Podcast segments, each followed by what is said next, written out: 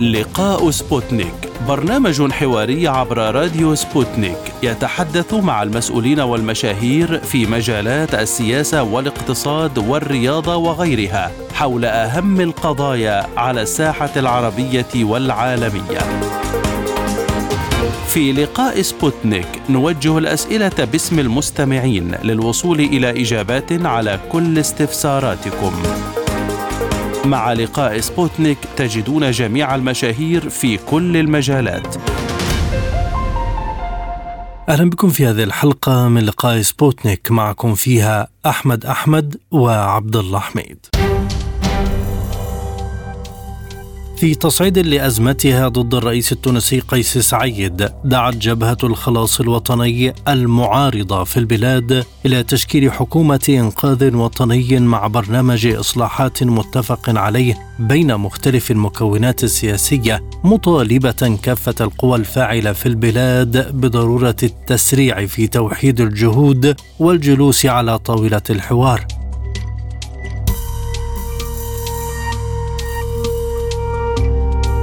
جاء ذلك تزامنا مع تعيين الرئيس التونسي لأحمد الحشاني رئيسا للحكومة التونسية الجديدة خلفا لنجلاء بد التي تمت إقالتها من المنصب دون إبداء أسباب بشكل رسمي.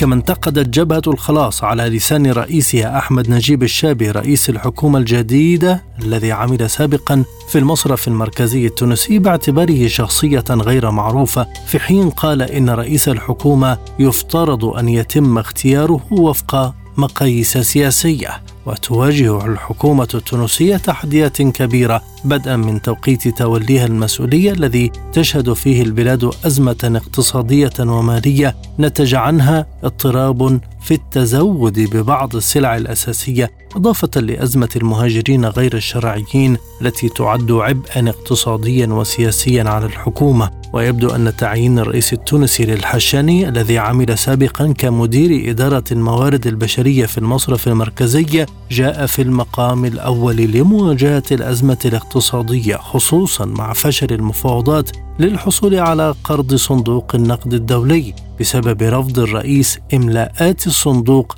التي تهدد الفئات الفقيرة على حد قوله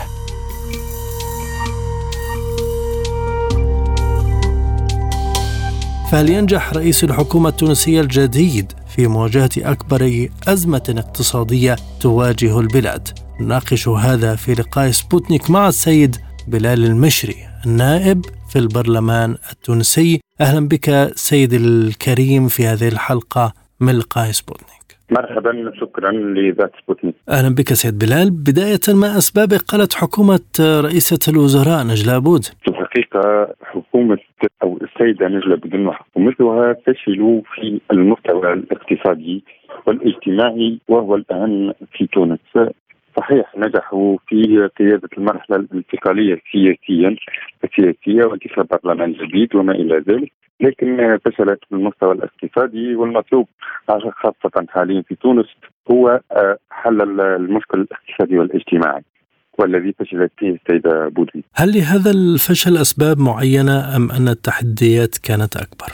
هو له موضوعيا له عديد الأسباب في هذا الفشل اولا في التركيبة وفي التشكيل الحكومية في ذاتها لم تكن للسيدة بودن وأعضاء حكومتها رؤية للوضع الاقتصادي والاجتماعي أو رؤية كاملة لم يكن لديهم رؤية كانت حكومة لتصريف الأعمال. هذه النقطة، النقطة الثانية من اسباب الفشل في الحقيقة ثم هنالك العديد من التعطيل من المستفيدين من المنظومة السابقة تعديل في سواء في مستوى الإدارة أو في مستوى رأس المال الطفيلي الذي كان مستفيدا من المنظومة السابقة كان هنالك تعطيل في الحقيقة إضافة إلى أن الحكومة لا تملك رؤية والحكومة التي لا تملك رؤية لا يمكن أن تنجح. هل تذكر لنا أحد المعطلات من جانب الإدارة السابقة التي واجهتها حكومة السيدة نجلاء بودن؟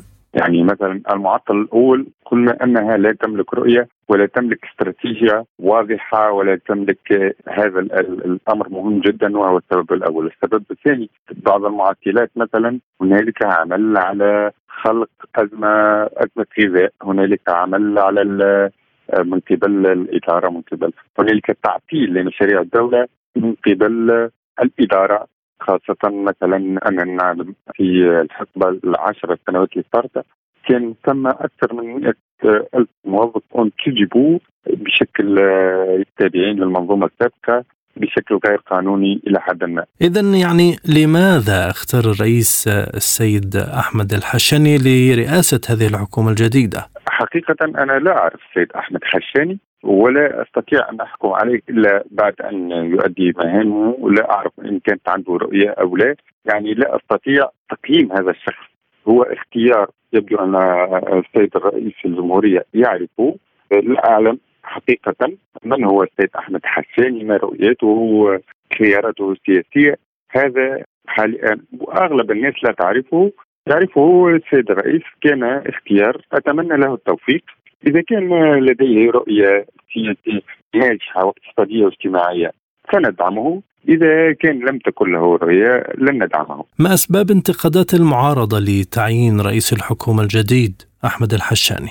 المعارضة لم تقدم أي أسباب موضوعية في نقدها للسيد أحمد حسين خاصة أنه لم يبدأ عمله بعد لم نستمع له بعد ولم نرى عمله. إذا المعارضة التونسية تعمل بمبدأ. خذ على الحساب قبل أن تقرأ الكتاب.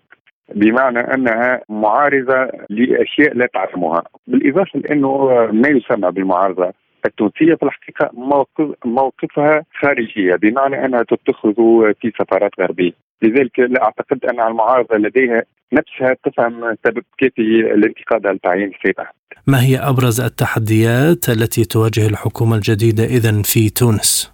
في الحقيقة أبرز التحديات هي آه، اقتصادية واجتماعية بالأساس خاصة في مستوى السيادة الغذائية في مستوى السيادة النقدية في مستوى السيادة الطاقية تحقيق وخلق الثروة وخاصة عندنا كثير من الموارد والثروة المهدورة في تونس مثل الأراضي الدولية الفلاحية وغيرها.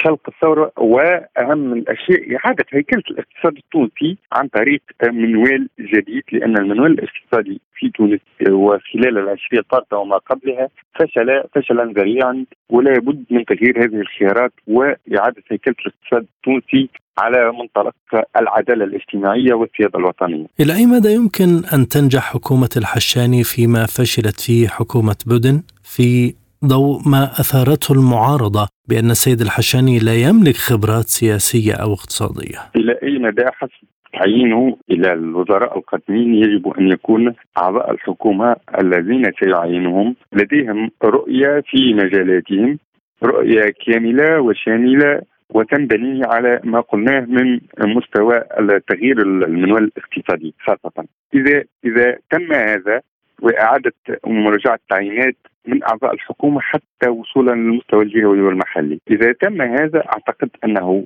سينجح، إذا لم يتم هذا لا أعتقد أنه سينجح، بالنسبة للخبرات السياسية ما يسمى بالمعارضة حكمت تونس طوال عشرات السنوات وكان يدعون أن لهم خبرات سياسية واوصلونا إلى قمة الفشل يعني. اذا هذه حجة لا يعتد بها مع أني أؤكد أن الوزير نعم ورئيس الحكومة هو منصب سياسي ولا بد أن يتولاه السياسي ولكن لديه رؤية ولديه رؤية وطنية.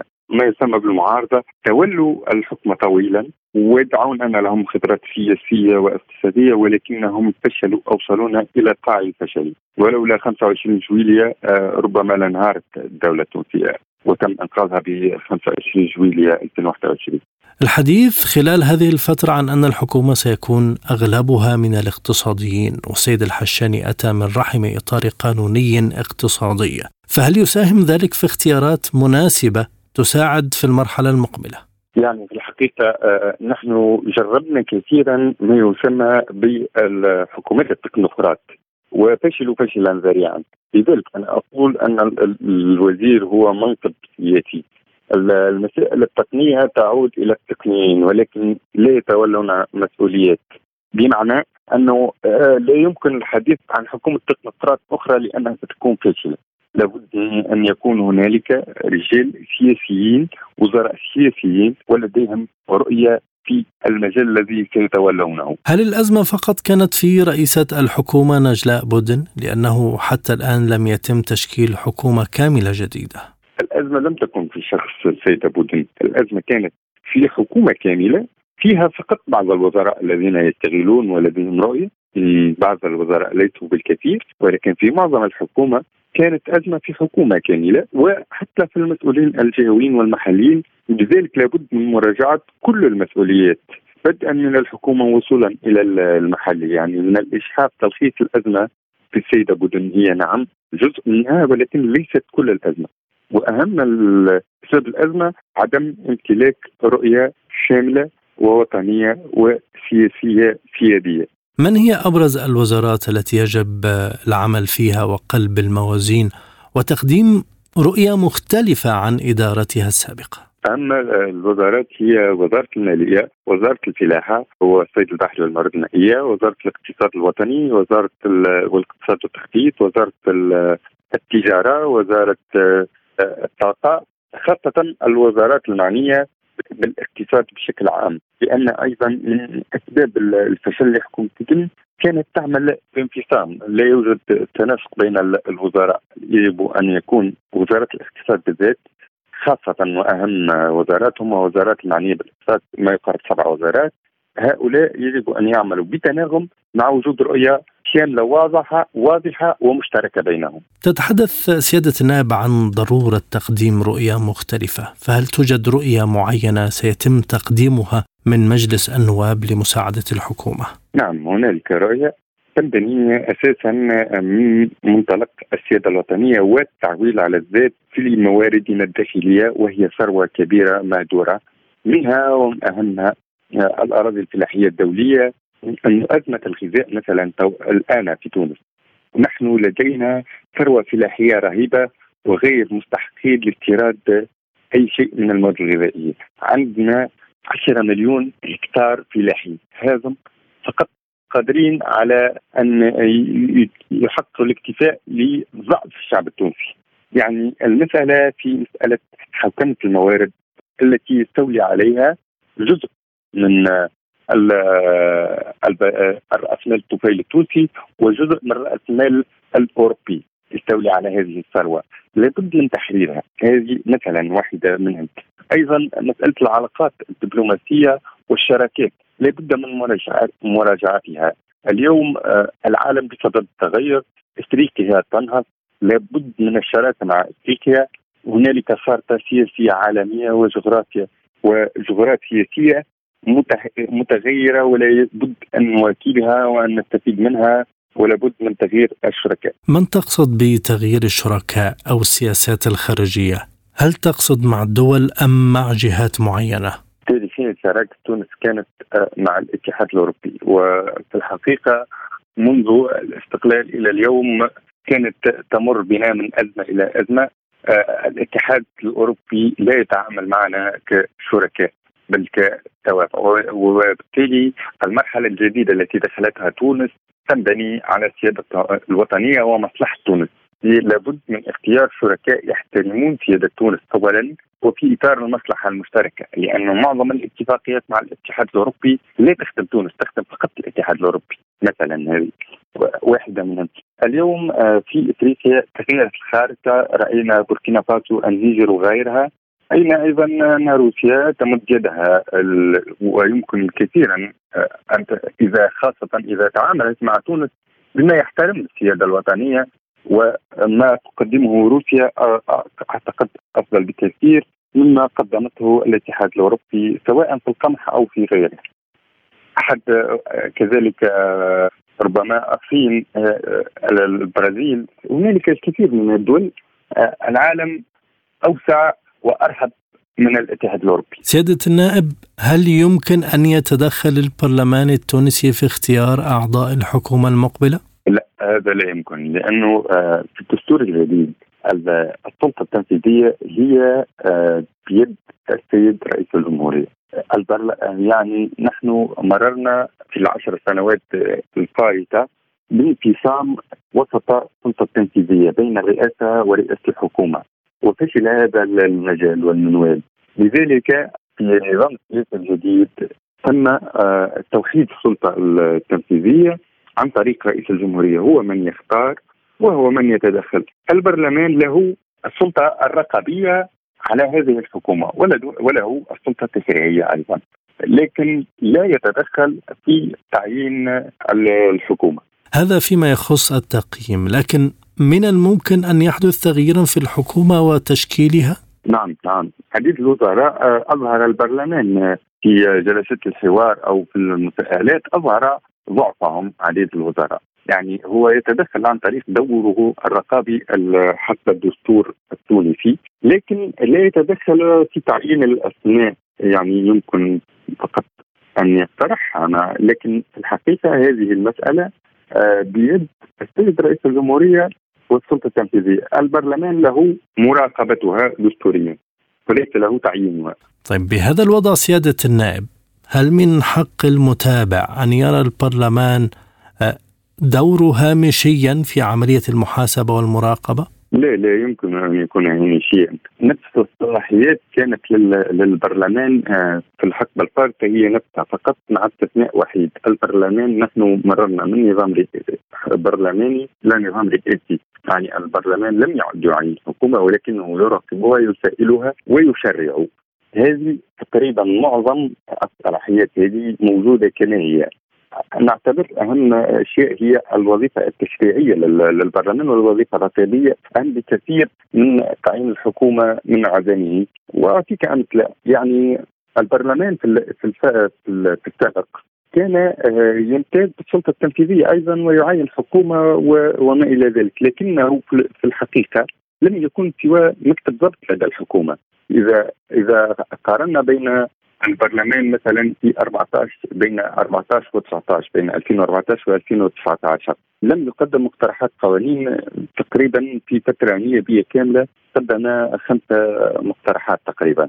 في حين ان وكان فقط يصادق على مشاريع الحكومة. في حين أن البرلمان الحالي حاليا قدم في ظرف بضعه أشهر ما يقارب 15 مقترح قانون. يعني ليس مكتب يشرع ويقترح التشريع كما أنه يصادق أو يرفض تشريعات المتاتيه من الحكومة رغم ما يدعونه ما يسمى بالمعارضة بأنه لا صلاحية له الحقيقة المعارضة كانت فولكلورية في السابق وكان يصادقون فقط مكتب ضبط لدى الحكومة. على ماذا تعملون الآن من مقترحات قوانين تهم الفترة القادمة؟ يعني مثلا قانون البنك المركزي وما يسمى باستقلالية البنك المركزي اللي تفرضها يعني الكارتلات البنكية في تونس وبالشراكة مع صندوق النقد الدولي هذا لابد من تغييره لأن البنك المركزي هو بنك وطني ولا بد من أن يعمل لصالح الدولة مثلا قانون الاستثمار مثلا المجلة التجارية يعني خاصة هنالك مشاكل جوهرية في التشريعات التونسية لابد أن تراجع كافة خاصة أعيد فيما يهم الاقتصادي والاجتماعي هل هناك قوانين عليها جدل كبير داخل البرلمان؟ نعم مثل قانون البنك المركزي مثل المجلة التجارية آه، وهنالك قوانين أخرى ستقدم بعد العطلة البرلمانية. يعني نحن الآن في عطلة برلمانية لكن هنالك قوانين أخرى ستقدم أيضا بعد العطلة البرلمانية. هل يمكن أن تستفيد تونس من القوانين في آه، التفاوض مع صندوق النقد الدولي؟ في الحقيقة قد لا تفيد التفاوض لأنه صندوق النقد الدولي يفرض شروط يرتهن بها السيادة الوطنية. لكن البرلمان يتوجه في في توجه السيادة الوطنية. يعني آخر همنا هل يرضى صندوق النقد أم لا يرضى؟ كان راضيا علينا طيلة السنوات الفارقة ووصلنا إلى الأزمة. فما الفائدة من رضاه؟ صندوق النقد الدولي ارتهن تونس وارتهن سيادتها. فقط هو يسعى إلى فرض اتفاقيات استعمارية على تونس. لا يبحث عن حل لتونس صندوق النقد الدولي. ولا يمكن أن يبحث عن حل لتونس هو يبحث عن مصالح لمراكز القوى. عن طريق اتفاقيات وابتزازات بالأموال. أنا أعتقد أنه يمكن أن نستغني عنه وأن نستغني حتى عن ما يقدمه من من قروض ضئيلة بشروط مشرفه جدا في السيادة الوطنية كرفع الدعم كرفع الدعم وبيع المؤسسات العمومية وغيرها. نحن يمكن أن نحقق من مواردنا الداخلية ما يجعلنا ما يجعلنا نتجاوز الحاجة إلى صندوق النقد الدولي كما أنه هنالك شركات أخرى في العالم يمكن أن نقوم بها تجعلنا في غنى عن صندوق النقد الدولي والمهيمنين عليه.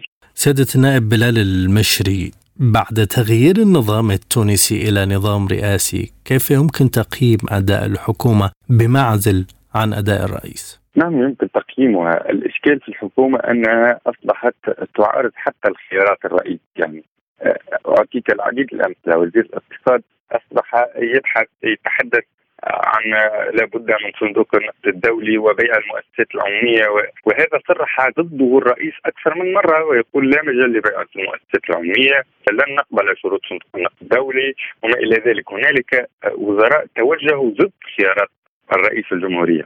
ربما اخطا في تعيينهم في المدة الأولى. نعم ولكن أيضا ربما اقتضت المرحله السياسية في لحظة تصريف الأعمال ذلك الأمر كما يمكن أن نقول أنه هنالك خطأ في تعيين عديد الاسماء. نذهب إلى الأزمة الحالية التي تواجه تونس وهي أزمة الخبز التي تتفاقم يوميا. ما هي الأسباب؟ في الحقيقة أسبابها متعددة فيها ما هو داخلي وفيها ما هو خارجي. ما هو داخلي هنالك لوبيات آه، وكارتلات تهيمن على هذا المجال وتضارب به. يعني هم بضع آه، عائلات متنفذة متنفذة في مستوى السلطة وفي مستوى الإدارة وفي في مستويات عديدة تحتكر هذا القطاع وتضارب به. هذا أحد الأسباب الداخلية، الأسباب أيضا الداخلية أنه لم يكن هنالك دعم للفلاح التونسي حتى ينتج القمح. الأسباب الخارجية هو عدم تعدد الشركات في هذا المستوى خاصة في منظومة الحبوب هنالك أزمة يجب أن تعالج في القريب العاجل وخاصة في علاقة بدعم الفلاحين حتى يتوفر الخبز. هذا بالإضافة إلى وجود مضاربات كبيرة في مسالك التوزيع في علاقة بالقمح والخبز. طيب هناك اعتصامات لأصحاب المخابز بسبب عدم الحصول على الدقيق ومعاناة كبيرة للمواطنين، ما هي الحلول العاجلة من وجهة نظركم؟ الحلول العاجلة هي آه، مراقبة خاصة هذه اللوبيات التي الكبار التي تهيمن على قطاع الحبوب وتطبيق القانون عليها لأن مخالفاتهم ترتقي إلى جرائم في مقتضى القانون التونسي ولا بد من تطبيق القانون عليهم هذه النقطة الأولى النقطة الثانية لابد من مراجعة مسالك التوزيع خاصة وأهمها وفي في المستوى المتوسط والمستوى البعيد لا بد من إعادة هيكلة منظومة الحبوب بما يحقق الاكتفاء الذاتي الغذائي لتونس. لا بد من وضع استراتيجية لتحقيق الاكتفاء الذاتي الغذائي وإعادة آه، مراجعة منظومة الحبوب. وهذه النقطة بالذات على ماذا ترتكز؟ ترتكز أساسا على تثمين الموارد الداخلية وتثمين آه، ودعم وتشجيع الفلاحين التونسيين بالإضافة إلى الشراكات مع دول أخرى الدول التي تحترم السياده الوطنيه لتونس عكس آه، في الحقيقة آه، عكس ما صدر مؤخرا من اتفاقية. أعتقد أنها تضر بتونس الاتفاقية الممضاه مع البنك الأفريقي. حول منظومة الحبوب التي تهدف إلى الاستعمار الفلاحي وليس إلى دعم الفئل دعم منظومة الحبوب. لماذا اعتبرت أن قرض البنك الأفريقي للتنمية لدعم منظومة الحبوب لا يسهم في حل الأزمة؟ شكلا البنك الأفريقي القرض هذا القرض صحيح أنه بتسهيلات كبيرة يعني 25 سنة و4.5 سنوات انهال وغيره. ولكن ما يفرضه من شروط داخل الاتفاقية مثل زراعه الكولزا الذي لا تتلائم مع الأرض تونس التي آه، يستحقها الاتحاد الأوروبي ولا نستحقها. الكولزا مثلا بذره محاوره دينيا تضر أيضا بالمائدة المائية لأنها تستنزف الماء وتلوث المائدة المائية أيضا. يعني ويكون امتدادها على حساب امتداد القمح وهو الأهم استراتيجيا لتونس.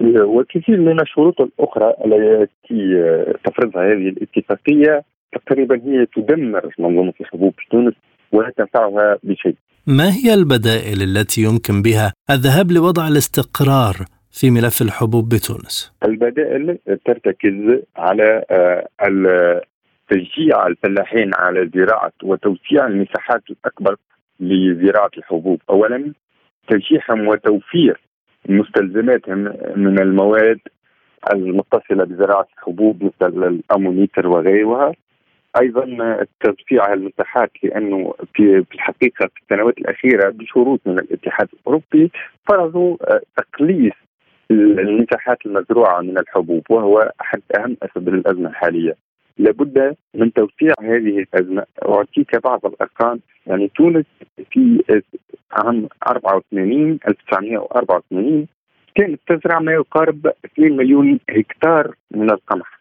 الآن تزرع 800 ألف هكتار فقط. وهذا آه، في الحقيقة كان يجب أن نتطور بتطور عدد السكان لا أن ننخفض. هذا أحد أهم المرتكزات بالإضافة إلى شراكات مع دول أخرى رائدة في القمح مثل وهي تطرح شراكة مع تونس مثل روسيا مثلا. يعني ما ورد في القمة الروسية الأفريقية آه، في المدة الفارطة. لا يمكن تجاوزه ببساطة يعني. مهم جدا ما ورد فيها. وهل تقليل نسبة الزراعة كان بدوافع داخلية حكومية أم لأسباب من المزارعين أنفسهم؟ هو كان لأسباب حكومية بالأساس لأنه تم استهداف الفلاحين التونسيين بكثير من التضييقات من قبل الحكومات المتعاقبة على تونس. آه، وتم تضييق خناق عليهم بشكل ما وجعلت أو فرضوا عليهم خسارات رهيبة في هذا المستوى. يعني الفلاحين التونسيين هم يطمحون ويريدون زرع القمح ولكن الحكومة تضيق عليهم الخناق كثيرا. لذلك كلها هي استراتيجيه دولة وليست مسألة بالصدفة أو مسألة عبثية إذا ما هي أبرز الأمثلة للتضييق على الفلاح التونسي من الحكومات السابقة؟ مثلا فرض سعر قمح آه، سعر شراء القمح بأقل من تكلفة إنتاجه. هذا غير مقبول. أعطيك مثالا الحكومة تشتري من الفلاح التونسي ب 130 دينار تونسي. بمعنى تقريبا 40 40 آه، دولار أمريكي. في حين إن تستورده بضعف سعره من من من أمكنة أخرى مثل أوكرانيا وغيرها. في هذا من المستحيل أن يقبل الفلاح أن يبيع لك بأقل من كلفة إنتاجه وهو ما أدى إلى اعتزاله لزراعة الحبوب، هذا أحد الأمثلة، بالإضافة إلى عدم توفير المواد اللازمة لزراعة القمح مثل الأمونيتر والدواء وغيرها. بالإضافة إلى التضييق عليه في المياه وعدم تمتيعه بالمياه في حين إنها تفرض امتيازات كبيرة جدا على الفلاحات المصدرة للاتحاد الأوروبي مثل الكولزات تعطي امتيازات كبيرة جدا للفلاحين. مثل الجوجوبا مثل البريز مثل الفراولة يعني مثل أشياء كثيرة مثل هذه. تعطي امتيازات كبيرة جدا مع ان هذه الزراعات. لا تخدم مصلحة تونس وتستنزف الثروة المائية ورغم ذلك تعطيها تشجيعات كبيرة جدا وامتيازات كبيرة جدا حتى تجبر الفلاحين على اعتزال زراعه الحبوب والتوجه نحو الزراعات التي يستحقها الاتحاد الأوروبي. وهنا يجب أن نقارن، ماذا قدمت الحكومة الأخيرة للفلاح؟ الحقيقة آه، الحكومة الأخيرة لم تقدم شيئا.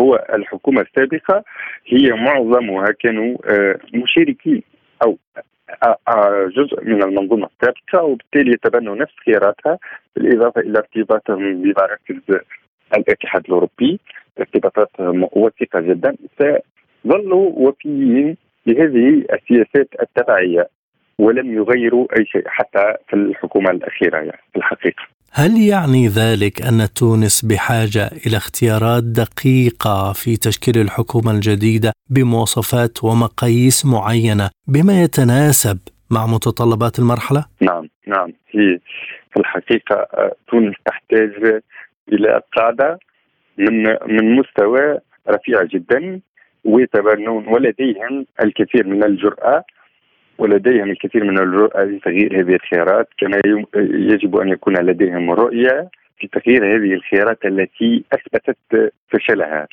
لأنه اليوم نحن احتياج الاختيار دقيق لأن الوقت نسبيا يداهمنا ولا بد من المضي قدما في التغيير مع رفض تونس لشروط صندوق النقد الدولي ما هي البدائل التي يمكن أن تلجأ إليها الحكومة لمواجهة الأزمة الاقتصادية؟ البدائل الموجودة في تونس. البدائل ليس بالضرورة أن تكون خارجية.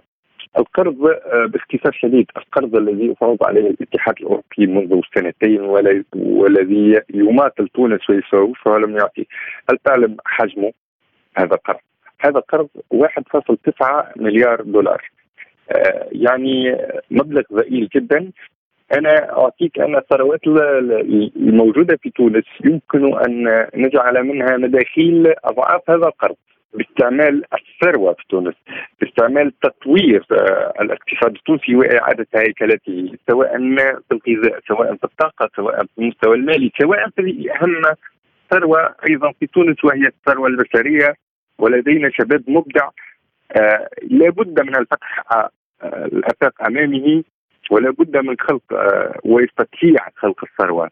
لأنه شباب مبدع فقط يريد أن يتحرر من قوانين مكبلة ومن بيروقراطية إدارية معطلة ومن من أشياء مثل هذه ووقتها يمكن أن نحقق الثروة. بالإضافة إلى أنه كما قلت يمكن التوجه إلى شركاء آخرين أو ممولين آخرين أو يعني شركاء في المستوى الاقتصادي تنبني على على المصلحة المشتركة والمتبادلة بما يحمي مصلحة تونس وليس مثل البنك صندوق النقد الدولي الذي يفرض شروط مجحفه ضد مصلحة تونس. هناك تعاون واضح جديد بين تونس والاتحاد الأوروبي ودعم كبير ظهر مؤخرا من الاتحاد، هل يجدي نفعا برأيك؟ لكنه في الحقيقة يمكن أن نعلم أنه يعني دعم غير غير صادق في الحقيقة. يعني هنالك سياسه كيل بمكيالين من الاتحاد الأوروبي.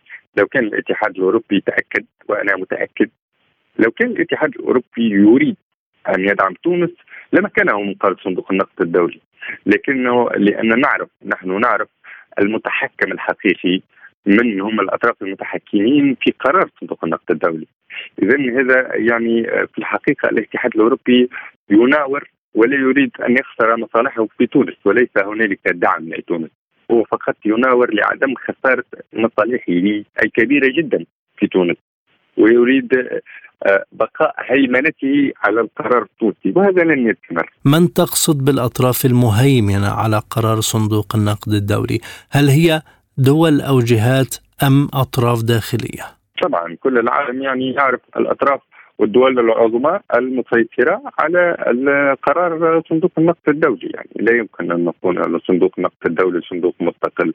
صندوق النقد الدولي هنالك أطراف دولية وقوى عظمى مهيمنة على قراره.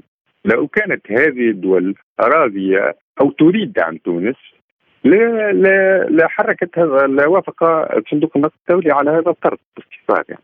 هناك انتقادات موجهة لاتفاقية تونس مع الاتحاد الأوروبي حول ضبط الهجرة غير الشرعية مقابل دعم تونس اقتصاديا ما تعليقكم؟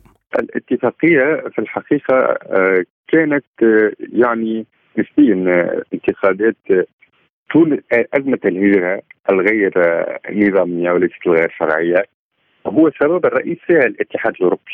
وبالتالي من حق تونس أن تحظى بدعم في هذه المسألة لأن الاتحاد الأوروبي قام بأكبر جريمة في حق الإنسانية وفي تاريخ البحر الأبيض المتوسط الذي شهد حروبا منذ ما قبل التاريخ. ولكن الاتحاد الأوروبي هو الذي رفض الدخول الأفارقة والتونسيين عن طرق الطريق الشرعية والذي يكفله له القانون الدولي في المادة الثالثة عشر له. يعني الاتحاد الأوروبي الذي يتبسح في حقوق الإنسان هو من اعتدى على حقوق الإنسان بحرمانه من الحق الشرعي والمشروع والدولي في حرية المواطنين في كافه العالم من التنقل. وهذا ما أدى إلى وجود شيء يسمى بهجرة غير نظامية أو غير شرعية. وحول البحر الأبيض المتوسط إلى مقبرة إلى بلدان الجنوب في حين أنه ازمتهم الاقتصاديه في هذه البلدان سببها الرئيس هو نهب ثرواتها من قبل الاتحاد الأوروبي وبالتالي من حق تونس أن تتمتع بدعم اقتصادي في هذه المسألة لأن الأزمة لم تكن سببها تونس بل سببها الاتحاد الأوروبي. حتى مع وجود وفيات في عرض البحر لمهاجرين غير شرعيين مركز انطلاقهم من تونس، أم لا توجد مقومات وإمكانيات لمواجهة هذا الملف الداخل؟ في الحقيقة آه، الإمكانيات التونسية في هذه المسألة هي ضعيفة. وكما أنه في الحقبة وفي في السنوات الأخيرة هنالك عصابات كبرى أصبحت تنشط في مجال الهجرة باعتبارها آه، لها مداخيل مالية ضخمة. هذه العصابات بدأت تخرج عن السيطرة يعني بمعنى أنها تغولت بشكل ليس من السهل السيطرة عليه. القوات الأمنية تقوم بمجهودها في هذه المسألة لكنها لا تستطيع تغطية كل المجالات. لأعطيك يعني تونس آه، لديها ساحل يعني شريط ساحلي أكثر من من 1300 كيلومتر. وإذا اعتبرنا الجزر فنحن نتحدث على أكثر من 2000 كيلومتر. إذا احتسبنا الجزر. وبالتالي آه، آه، هذا الشريط الساحلي الكبير جدا. ليس من السهل السيطرة عليه خاصة مع وجود عصابات متنفذة وصلت حد دولية أيضا ليس فقط فيها وصلت حد الاتجار بالأعضاء في آه، للمهاجرين. يعني هنا نتحدث عن عصابات عالمية تتاجر بالعطاء اذا القوات الامنيه والعسكرية تقوم بمجهودها ولكن من الصعب تغطيه مجال ساحلي كالشريط الساحلي التونسي طويل جدا ليس من السهل السيطرة عليه بشكل كافي مع ضعف الإمكانيات المتوفرة أيضا سيادة النائب هل استخدمت تونس ورقة الهجرة غير الشرعية لتجلب اهتمام الاتحاد الأوروبي لها ولمساعدتها؟ لا أعتبر هذا لأنه في الحقيقة آه، الاتحاد الأوروبي إلى الآن آه، لم يساند تونس. بمعنى أنه حتى الاتفاقية ما أوكل فيها هو في إطار آه، ما وجد الهجره غير الشرعيه وليس في إطار دعم تونس. هذا النقطة، النقطة الثانية أسباب الهجره في الحقيقة. ذكرت أحد أسبابها وأهمها وهي عدم تطبيق الاتحاد الأوروبي للميثاق العالمي لحقوق الإنسان بالحق في التنقل والثانية وهي أيضا مرتبطة بالاتحاد الأوروبي وهي الأزمة الاقتصادية والاجتماعيه التي تعايشها تونس وبلدان أفريقيا وهي نتيجة لهيمنة الاتحاد الأوروبي. وبالتالي فإن معالجة الأزمة من جذورها هو ما يعطينا حل لها بمعنى أيضا مشاركته في الأزمة الاقتصادية الاجتماعية ليس لأجل تونس ولكن لأجل نفسه الاتحاد الأوروبي. حتى لا يخفض من تدفق المهاجرين لأنه امتداد الأفق والأزمات الاقتصادية والاجتماعية في هذه البلدان ستجعل من ظاهرة الهجرة تتفاقم بشكل لا يمكنه السيطرة عليه. هل يمكن أن تستفيد تونس من التعاون مع روسيا بشأن صفقة الحبوب خاصة بعد القمة الروسية الأفريقية الأخيرة التي شهدت تفاهما واضحا بين موسكو والقارة السمراء؟ نعم في الحقيقة هي أحد أهم الأحداث في هذه المدة هي القمة الأفريقية الروسية.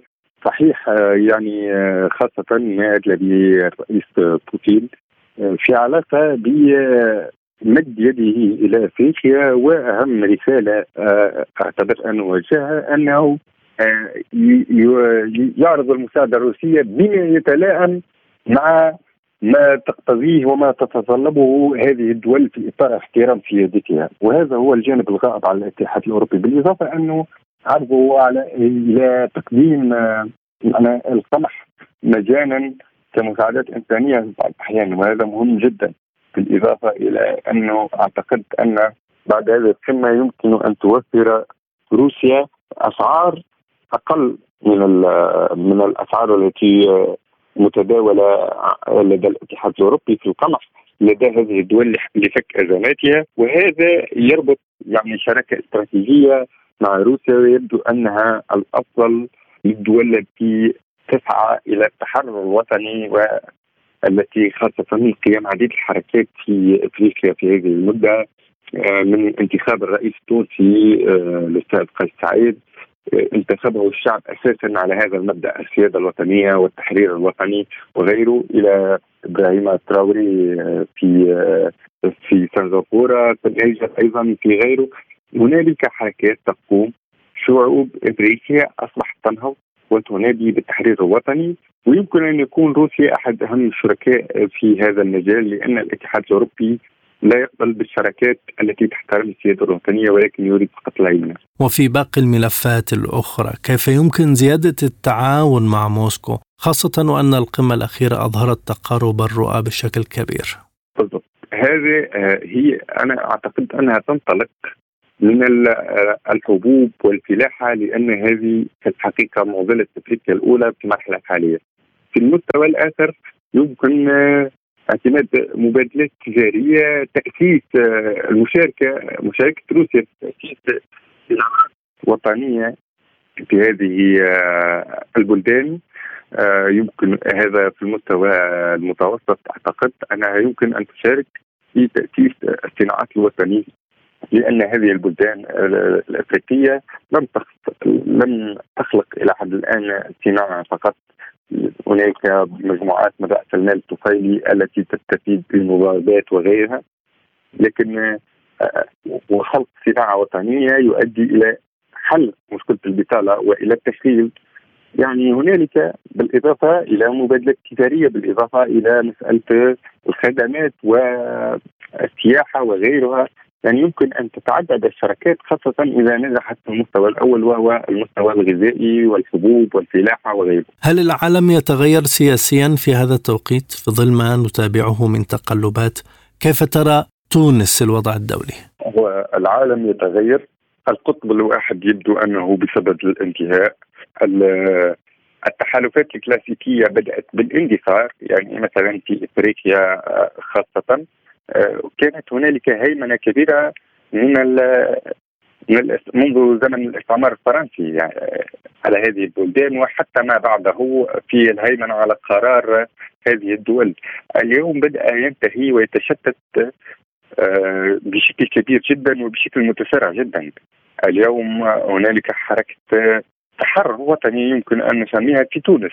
هنالك حركة تحرر وطني في النيجر ومالي وبوركينا فاسو وكينيا وغيرها. وهذا كانوا من أهم مراكز القوى لدى فرنسا. اذا فرنسا نعتبر أنها تقريبا فقدت سيطرتها على أفريقيا التاريخية. السيطرة التاريخية التي كانت تملكها. بالإضافة إلى أن هنالك تغيرات جيوسياسية مهمة في العالم أجمع آه، بدأت تتشكل وهنالك تحالفات أخرى بدأت تتشكل. وبالتالي هذه التغيرات ستساعد هذه حركات التحرر الوطني. آه لا ننسى أيضا صعود لولا من جديد في البرازيل لولا دا سيلفا. يمكن أن يكون له دورا كبيرا خاصة إذا رأينا ما فعله في حقبته الأولى. يعني العالم في صدد تشكل في جميع مناطقه من جديد. ماذا يعني تصريح الرئيس قيس سعيد حول تطهير الإدارة العمومية من المندسين؟ الإدارة العمومية يهيمن عليها طرفان أساسيين ورئيسيين خاصة في العشر سنوات الفارقة كان يهيمن عليها طرف سياسي حكم وأدخل عديد الموظفين بشهادات مزورة وبغيره بأشكال غير قانونية للهيمنة على الإدارة هذه اللوبيات السياسية التي كانت تحكم. بالإضافة إلى هيمنة لوبي مالي مهم جدا على الإدارة التونسية وهو من رأس المال الفاسد الذي يهيمن على الإدارة لإدارة مصالحه. هذا اللوبيات تتحالف لتعطيل مشاريع الدولة واليوم أصبح لابد من تطهيرها من الفساد. الإدارة التونسية نخرها الفساد كثيرا واليوم بان بالكاشف أنه لا يمكن أن يستمر هذا الوضع وبالتالي يجب تطهيرها من الفساد أساسا وتطهير الإدارة التونسية حتى تستطيع النهوض. الرئيس سعيد ما زال يستخدم لغة هجومية ويحمل مسؤولية التدهور لخصومه، فهل هذا واقعي؟ أنا فسرت يعني التدهور كان سببه جزء منه حكومي وجزء منه من آه، المعارضة ما يسمى المعارضة ولابد من تعريفها. في الحقيقة هي ليست يعني بمعارضة كبيرة أو وطنية. يعني, حين يدعون للشارع مجمل أحزابهم وغيرهم لا يستطيعون حتى تجميع 100 شخص في شارع العاصمة. لكن لديهم تنفذ كبير في مستوى الإدارة ويقومون بتعديلات كبيرة فهذا صحيح. لكن ليست أيضا يقومون عن طريق اختراق الوزارات واختراق الإدارة واختراق كذا لصياغه القرارات التي تلائمهم وليس التي تلائم تونس بمعنى انه هذا الذي يتحدث فيه السيد الرئيس عن وجود تعطيل من الخصوم هذا أمر واقع وموجود ولكنه ليس السبب الوحيد. ما هو وضع المعارضة حاليا في البلاد وهل فقدت وزنها وقدرتها على الاستمرار بعد سيطرة الرئيس على أغلب المؤسسات؟ هي معارضة مفلسه سياسيا وشعبيا بشكل كبير جدا. يعني حين ترى أنه تلتئم هذه الأحزاب بتم تميمها وتدعو وطيله أسبوعين تدعو إلى تظاهره ثم يأتي بضعة انفار في في في شارع العاصمة. نفهم أنها افلست نهائيا وفقدت ثقة من الشعب التونسي لأنهم سلبوه واستشرى الفساد وسرقوا ثروات الشعب التونسي وكانوا مجرد عملاء فقط وغير وطنيين. هم فقط الآن يعولون على شيء واحد ويبدو أنهم أدركوا أنهم خسروا الشارع نهائيا. ولم يعد لهم أي شعبية أو أي منطقية عند الشعب التونسي وهم فقط يعولون على بعض القوى الغربية لدعمهم والقوى الغربية لا تدعم سوى مصالحها. تابعنا مؤخرا زيارة وزير الخارجية المصري إلى تونس حاملا رسالة من الرئيس عبد الفتاح السيسي، ما هي المهمة من هذه الزيارة وماذا في طياتها؟ هذه الزيارة يعني نحن لدينا آه، بالنسبة إلى مصر هي دولة شقيقة وصديقة ولدينا آه، الكثير من العلاقات التاريخيه معها يعني آه، في هذه الزيارة هو مدى تعاون التونسي المصري وفي الحقيقة الرسالة بتفاصيلها لم يتم نشرها أو الحديث عنها ولكن بشكل عام هي مدى التعاون المصري في عديد المجالات الاقتصادية والسياسية والوضع الإقليمي وما إلى ذلك بين تونس ومصر. شكرا جزيلا لك سيادة النائب بلال المشري عضو مجلس النواب التونسي كنت معنا ضيفا كريما في هذه الحلقة من لقاء سبوتنيك. شكرا شكرا. عالم سبوتنيك يغطي جميع الأحداث السياسية والاقتصادية والرياضية حول العالم. على مدار ساعة تتابعون عالم سبوتنيك مع أهم خبراء التحليل السياسي والاقتصادي. نقترب معكم في متابعة دقيقة من القضايا السياسية والاقتصادية، كما نستعرض أهم الأخبار الرياضية والفنية والبيئية. انتظروا عالم سبوتنيك أيام الجمعة والسبت والأحد من كل أسبوع. ملفات ساخنة برنامج يسلط الضوء على أهم القضايا الحرجة في العالم. في ملفات ساخنة نستعرض القضايا مع جميع الأطراف ومن كل الزوايا لاستجلاء الحقيقة. ملفات ساخنة يستضيف أهم الخبراء وأجرأ الضيوف تابعوا ملفات ساخنة مع راديو سبوتنيك أيام السبت والثلاثاء والخميس من كل أسبوع. مستمعينا الكرام نذهب إلى الزميل أحمد أحمد ومعه باقي فقرات لقاء سبوتنيك وبعض الأخبار. شكرا جزيلا لزميلي عبد الله حميد والآن مستمعينا الكرام إلى جولة بين هذه الأخبار ونشرة أخبار لقاء سبوتنيك معي أنا أحمد أحمد.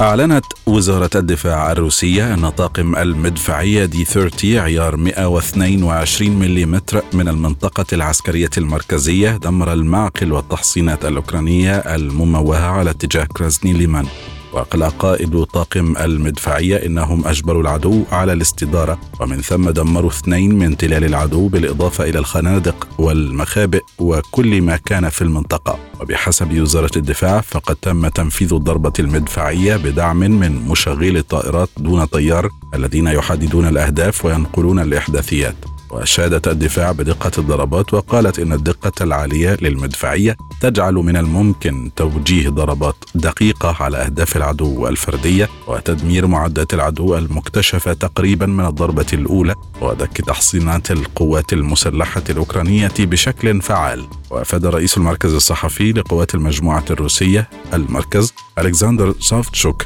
بأن القوات الروسية أحبطت ست محاولات هجومية للقوات الأوكرانية على محوري سفيتولسكي وكراسني ليمان وحيدت نحو 60 عسكريا.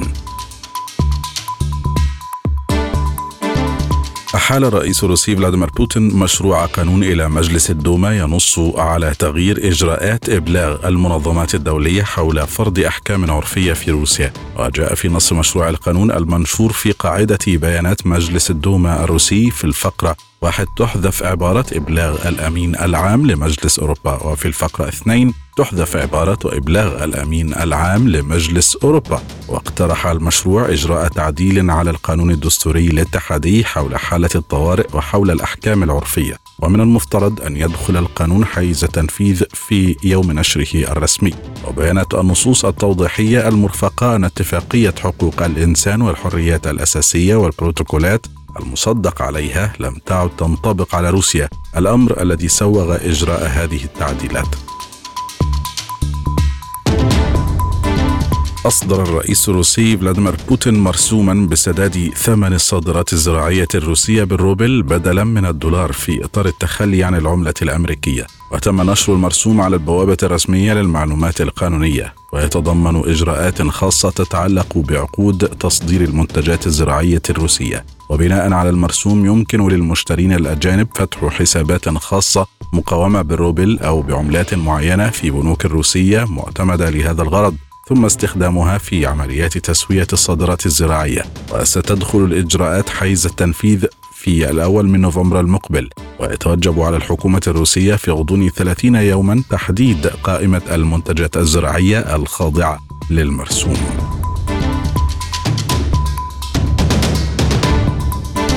أكد السفير الروسي لدى واشنطن أناتولي أنتونوف أن الإدارة الأمريكية تدير حملة إعلامية للتعتيم على مسؤوليتها عن إفشال اتفاق إسطنبول لتصدير الحبوب عبر البحر الأسود. وقال أنتونوف إن محاولات واشنطن الضغط على الدول النامية لإقناع روسيا بالعودة إلى صفقة الحبوب جزء من حملة إعلامية لتشويه حقيقة الأمور. وأكد أن الولايات المتحدة تحاول التملص من مسؤوليتها عن الإخفاق في تنفيذ اتفاقات إسطنبول. وأضاف أن محاولات إقناع روسيا بالعودة إلى مبادرة البحر الأسود لا معنى لها. تجدر الإشارة إلى أن اتفاق الحبوب أبرم بمبادرة من أنقرة بين روسيا وأوكرانيا والأمم المتحدة وينص على سماح روسيا بتصدير الحبوب الأوكرانية عبر ممر إنساني. فتحه الأسطول الروسي في البحر الأسود شريطة إتاحة وصول الحبوب والأسمدة الروسية إلى السوق لكن الجزء الخاص بروسيا لم يتم الالتزام به وتنفيذه. اتهمت الدعم السريع عناصر الجيش السوداني باحتلال المستشفى في أم درمان وتحويله إلى ثكنه عسكرية في وقت أعلن فيه الأخير مواصله قواته عملياتها النوعية في المدينة. وقالت الدعم السريع في بيان احتلت قوات البرهان الانقلابية وفلول النظام البائد مستشفى النور بأم درمان وحولته إلى ثكنة عسكرية ومستشفى ميدانيا لمعالجة جرحاهم الذين تجاوز عددهم الثلاثمائة جريح وفق إفادة أحد أطباء المستشفى. وأضاف البيان أجبرت ميليشيا البرهان التي تعرضت اليوم إلى هزيمة قاسية على يد أشاوس قوات الدعم السريع أجبرت الكوادر الطبية على إخلاء جميع المرضى والتفرغ لمعالجة جرحاهم. وتابع أطلق الفلول مناشدات عبر وسائل التواصل الاجتماعي للتبرع بالدم والأدوية فيما لا تزال سيارات الإسعاف تنقل المصابين من مناطق متفرقة وذلك على حد زعم البيان. قالت وزارة الدفاع الأمريكية أن الولايات المتحدة والعراق اتفقتا على تشكيل لجنة عسكرية عليا لتقييم العملية المستقبلية المتعلقة بمهمة التحالف الدولي. وأضافت الوزارة تعتزم الولايات المتحدة والعراق التشاور بشأن عملية مستقبلية منفصلة عن حوار التعاون الأمني المشترك وشاملة للتحالف. أوضحت في بيان أن العملية الجديدة تأتي لتحديد كيفية تطور المهمة العسكرية للتحالف وفقا لجدول زمني يرتبط بعوامل التهديد من قبل تنظيم داعش الإرهابي والمتطلبات التشغيلية والبيئية ومستويات قدرة قوى الأمن الداخلي. أشار البنتاغون إلى أن الجانبين بحثا فرص توسيع مشاركة العراق في التدريبات العسكرية التي تقودها القيادة المركزية الأمريكية. قال وزير الخارجية الإسرائيلي إيلي كوهين إن تطبيع العلاقات المحتمل بين إسرائيل والسعودية يمكن أن يؤدي إلى ما وصفه بالتناغم الإقليمي الحقيقي. ولفت كوهين إلى أن ذلك سيمثل إنجازا دبلوماسيا يقود دولا أخرى للسعي من أجل السلام. اعتبر وزير الخارجية الإسرائيلي أن اتفاق تطبيع مع السعودية سيعتمد بصورة رئيسية على الاتفاق بين الرياض وواشنطن لتوفير ضمانات أمنية أمريكية لحماية أمن المملكة ودول الخليج من إيران. واستطرد أنه قدمت الرياض عدة مطالب لواشنطن بهذا الشأن لضمان أمنها من العدوان الإيراني. حصلت إيران على تكنولوجيا تصميم الصواريخ فرد صوتية بحسب وكالة تسنيم الإيرانية التي قالت إن هذا الصاروخ في مرحلة الاختبار حاليا. وقالت الوكالة إن الصاروخ الجديد سيبدأ فصلا جديدا في القوات الدفاعية الإيرانية. وأضافت أن التوصل إلى هذه التكنولوجيا مهم بمعنى أنه بهذه الطريقة ستزداد سرعة صواريخ كروز الإيرانية بشكل كبير وسيكون من الصعب للغاية مواجهة هذه الصواريخ.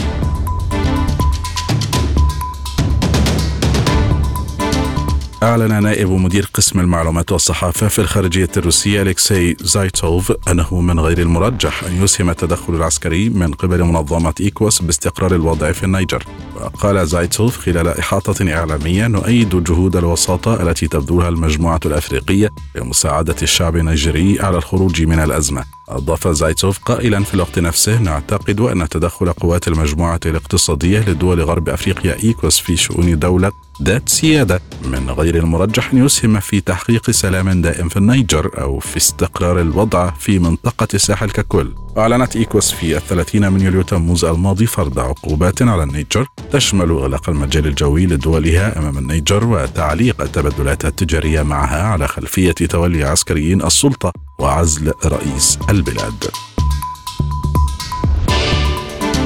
أعلن متحدث باسم خدمة الطوارئ الروسية أن انفجارا وقع في مصنع بصريات ميكانيكية في منطقة سيرجييف بوساد في مقاطعة موسكو ناجم عن انتهاك متطلبات العملية التقنية. وقال المتحدث إن السبب الاولي للانفجار هو تعطل نظام العملية التقنية وأن الانفجار وقع في مصنع ميكانيكي بصري في سجيف بوساد في مقاطعة موسكو. وتم إخلاء كامل المؤسسة بما في ذلك الورش المستأجرة القريبة وسبب الانفجار أضرارا مادية كبيرة في المباني المجاورة. ويعد المصنع مطورا ومصنعا رائدا للأجهزة البصرية والإلكترونية الضوئية وللصناعه والرعاية الصحية. قالت السلطات المحلية في فرنسا إن 11 شخصا فقدوا بعد اندلاع حريق في منزل ريفي لقضاء العطلات في شرق البلاد. وقال وزير الداخلية جيرالد دارمانان إن من المحتمل أن يكون هناك عدة ضحايا بعد أن دمر الحريق 300 متر مربع من المبنى الذي تبلغ مساحته 500 متر مربع. وقال إن عمليات الإنقاذ لا تزال جارية. وأجلت السلطات 17 شخصا ونقل أحدهم إلى المستشفى. إلى هنا مستمعينا الكرام نكون قد وصلنا وإياكم إلى خاتمة هذه الجولة الإخبارية وأيضا خاتمة هذه الحلقة من لقاء سبوتنيك. كنا مع حضراتكم زميلي عبد الله حميد وأنا أحمد أحمد. إلى اللقاء.